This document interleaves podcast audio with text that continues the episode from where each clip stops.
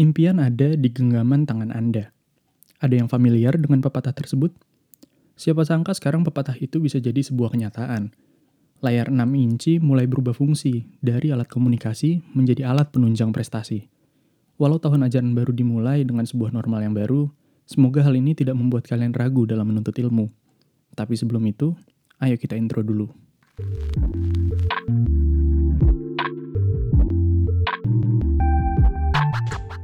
Halo semuanya, kembali lagi dengan gue Adre di My Educast, sebuah podcast mingguan yang akan menemani hari Senin kalian jadi lebih bermakna. Emang ya, sekarang tuh dunia udah secanggih itu sih. Pernah nggak kalian ngebayangin dulu kalau sekolah itu yang mendatangi kalian? Ya, oke okay lah, dulu ada les gitu kan. Tapi sekarang kalian tinggal pencet-pencet aja tuh udah bisa dapetin sebuah kelas yang spesifik dan juga menarik gitu loh. Gue jadi inget gini deh, Pernah gak sih kalian ditegur sama orang tua kalian karena kebanyakan main HP? Sering tuh dulu kalau kalian ngeluh sakit dikit aja kan, kayak misal gini, Ma pusing, atau Bu pusing. Terus ibu kalian langsung ngomong, makanya handphone terus. Ada gak yang kayak gitu juga? Tapi sekarang handphone tuh udah bisa buat belajar juga. Gak cuma buat komunikasi ataupun main doang. Gak cuma handphone sih, perangkat elektronik lainnya juga bisa. Tapi ya tetap coba dibagi-bagi kapan waktunya kalian terus-terusan lihat layar dan kapan juga yang enggak. Jadi tetap perlu ada jaga jarak nih yang dibutuhkan biar kalian nggak sakit mata. Dan seiring berkembangnya zaman, sekarang kita masuk ke dalam sebuah tahap pendidikan yang baru nih, yang dinamakan dengan online learning. Apa sih sebenarnya online learning? Enak dong ya kalau kita bisa belajar dari rumah aja gitu kan. Eits, jangan salah. Coba simak dulu episode ini biar kamu makin paham apa yang dinamakan dengan online learning. Jadi kak, sebenarnya online learning itu apa sih? Jadi sebenarnya online learning ini adalah sebuah bentuk teknologi informasi yang diterapkan di bidang pendidikan berupa website yang bisa diakses di mana aja dan juga kapan aja. Bisa dari laptop, tablet, komputer, atau bahkan smartphone gitu. Ini yang sekarang lagi marak digencarin sama pemerintah sih, terutama di kondisi pandemi kayak gini sebenarnya nggak cuma di masa pandemi aja, tapi mungkin memang sudah saatnya kita diberikan sebuah kemudahan untuk belajar dengan sebuah sistem yang lebih baru. Tapi memang kondisi yang sekarang ini memaksa kita untuk memulai lebih cepat dalam mengikuti kelas-kelas kayak gini. Dari kemarin sebenarnya udah ada, udah banyak bahkan yang nyediain jasa-jasa kayak gini, tapi mungkin belum digembar-gemborkan seperti sekarang. Well, seperti biasa semua akan dimulai dari yang namanya adaptasi kita yang biasanya bertatap muka langsung dengan para pengajar ataupun muridnya sekarang harus berubah format nih jadi sebuah kelas online. Kalian ada yang udah pernah ikut nggak sih? Gimana menurut kalian kalau kalian udah pernah? Mungkin kalian bisa sharing di kolom komen tentang keluh kesah kalian terkait dengan online learning nih. Siapa tahu ada juga yang sependapat sama kalian. Menurut gue pribadi, mungkin ada keuntungan dan kerugiannya juga. Wait, tapi mungkin bahasanya bukan kerugian kali ya, apa ya? Ya ada plus dan minusnya lah gitu kan. Buat gue pribadi, Plusnya adalah kita jadi lebih efisien. Kita jadi bisa belajar di mana aja, kapan aja, dan cari tempat terbaik kita buat belajar. Misal di rumah nih, kita cari sebuah spot yang memang nyaman buat kita belajar dan waktu yang efektif. Misal kita nggak bisa belajar pagi-pagi karena masih ngantuk, ya kita belajar siangnya gitu kan kalau memang bentuk kelasnya adalah video gitu. Jadi lebih fleksibel buat para pengajar maupun yang diajar. Dari segi kelasnya juga beragam banget. Gue bisa menemukan dari hal-hal yang wajar yang bisa kita temukan di sekolah gitu kan kayak kelas-kelas mata pelajaran pada umumnya kayak matematik, terus pelajaran-pelajaran IPA, IPS, sampai ada kelas online tentang pengembangan kepribadian juga.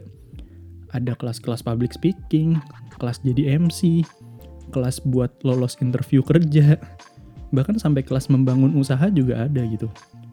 Nah, kelas-kelas ini ditawarkan dengan biaya-biaya tertentu. Ya, Kak, itu mah di internet atau di YouTube juga ada. Ngapain bayar buat kelas gituan? Well, ya mungkin iya ada. Tapi apakah kredibel? Belum tentu juga kan? Di sini gue tidak mendiskreditkan siapa pun yang mau berbagi ilmu di YouTube atau media mana pun ya. Well, sharing is caring after all kan. Yang gue lakukan sekarang juga ini merupakan sharing. Tapi kalau kelas berbayar kayak gini, biasanya kalian akan menemukan sebuah keuntungan yang gak akan kalian temukan di media lain. Ilustrasinya gini deh, kalian ngefans sama musisi siapa misal? Katakanlah gue suka sama John Mayer gitu ya. Oh enggak, contohnya gini deh, kita ambil contoh realnya aja. Di Jakarta, kalian pada tahu JKT48? Iya itu girl band yang lagunya sempat ada di mana-mana. paling sering di iklan Pokari Sweat tuh. Kalian tahu nggak, di FX Jakarta, di Senayan, ada yang namanya JKT48 Theater. Jadi mereka akan show di situ setiap minggunya. Dan itu di hari show-nya, antriannya tuh panjang banget yang mau nonton. Mereka rela bayar dan mau datang untuk ngantri. Kenapa? Ya karena mereka bisa meet and greet dan berinteraksi langsung dengan idola mereka. Mereka sebenarnya bisa aja nonton live di YouTube atau di media lain gitu kan. Tapi ada pengalaman lain yang gak bisa kalian dapetin tanpa membayar. Nah ini sama halnya kayak kelas online. Kalian bisa berinteraksi langsung dengan si pengajar, kalian bisa langsung nanya, kalian dapat pengalaman yang berbeda, yang itu semua nggak akan kalian dapat kalau kalian cari di YouTube. Bisa aja nih, kalian dapat sebuah pertanyaan dari YouTube. Kalian bisa tanyain langsung ke pengajarnya. Dan harusnya si pengajar-pengajar ini adalah pengajar yang kredibel dengan backgroundnya masing-masing. Jadi nggak perlu diragukan lagi soal ilmu yang kalian dapat setelah kalian membayar. Gimana, menarik kan? Tapi ada hal yang perlu gue ingetin nih terkait dengan online learning. Kalian juga harus proaktif dalam mencari kelas, dan juga harus punya motivasi Bedanya kelas online sama kelas offline, kalau kelas offline itu kan kayak sekolah gitu ya. Kalian tuh disuguhin sama pelajaran kan. Sementara kalau online, kalian harus punya sebuah kemauan belajar dari diri kalian dulu. Kalian harus bisa belajar mandiri dan aktif mencari kelas. Dan karena belajarnya di rumah dengan perangkat elektronik, pastiin kalian harus ada di situasi yang kondusif.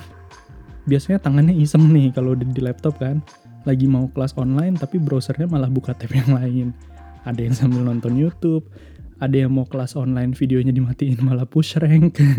Jangan kayak gitu. Tapi di sisi lainnya, kalau kalian bisa ngelakuin belajar online ini dengan benar, gak cuma practical skill kalian aja yang akan diasah melalui kelas online, tapi kedisiplinan, kemauan, dan juga kalian belajar tanggung jawab terhadap kelas-kelas yang udah kalian beli. Jadi kalian akan berkembang secara utuh gitu loh. Nah terakhir nih, kak kalau mau cari kelas online tuh di mana sih? Well, sekarang platform online learning tuh udah banyak banget. Di Google aja kalau kalian cari gitu ya kelas online, akan banyak yang keluar. Nah, salah satunya tuh MyEdusolve ini. Ada juga kelas-kelas spesifik yang memang dikhususkan untuk sebuah profesi tertentu. Misal, belajar animasi, atau belajar bikin film, itu semua udah ada sekarang. Tinggal pertanyaannya gue balikin nih, apakah kalian siap untuk sistem belajar yang baru ini? Semua jawabannya akan gue serahkan kembali kepada kalian. Well, mungkin selama pandemi ini sistem belajar ini akan terus berlangsung ya. Kita nggak tahu akan berapa lama, tapi yang jelas kita harus terus adaptasi terhadap sebuah perubahan ya kan.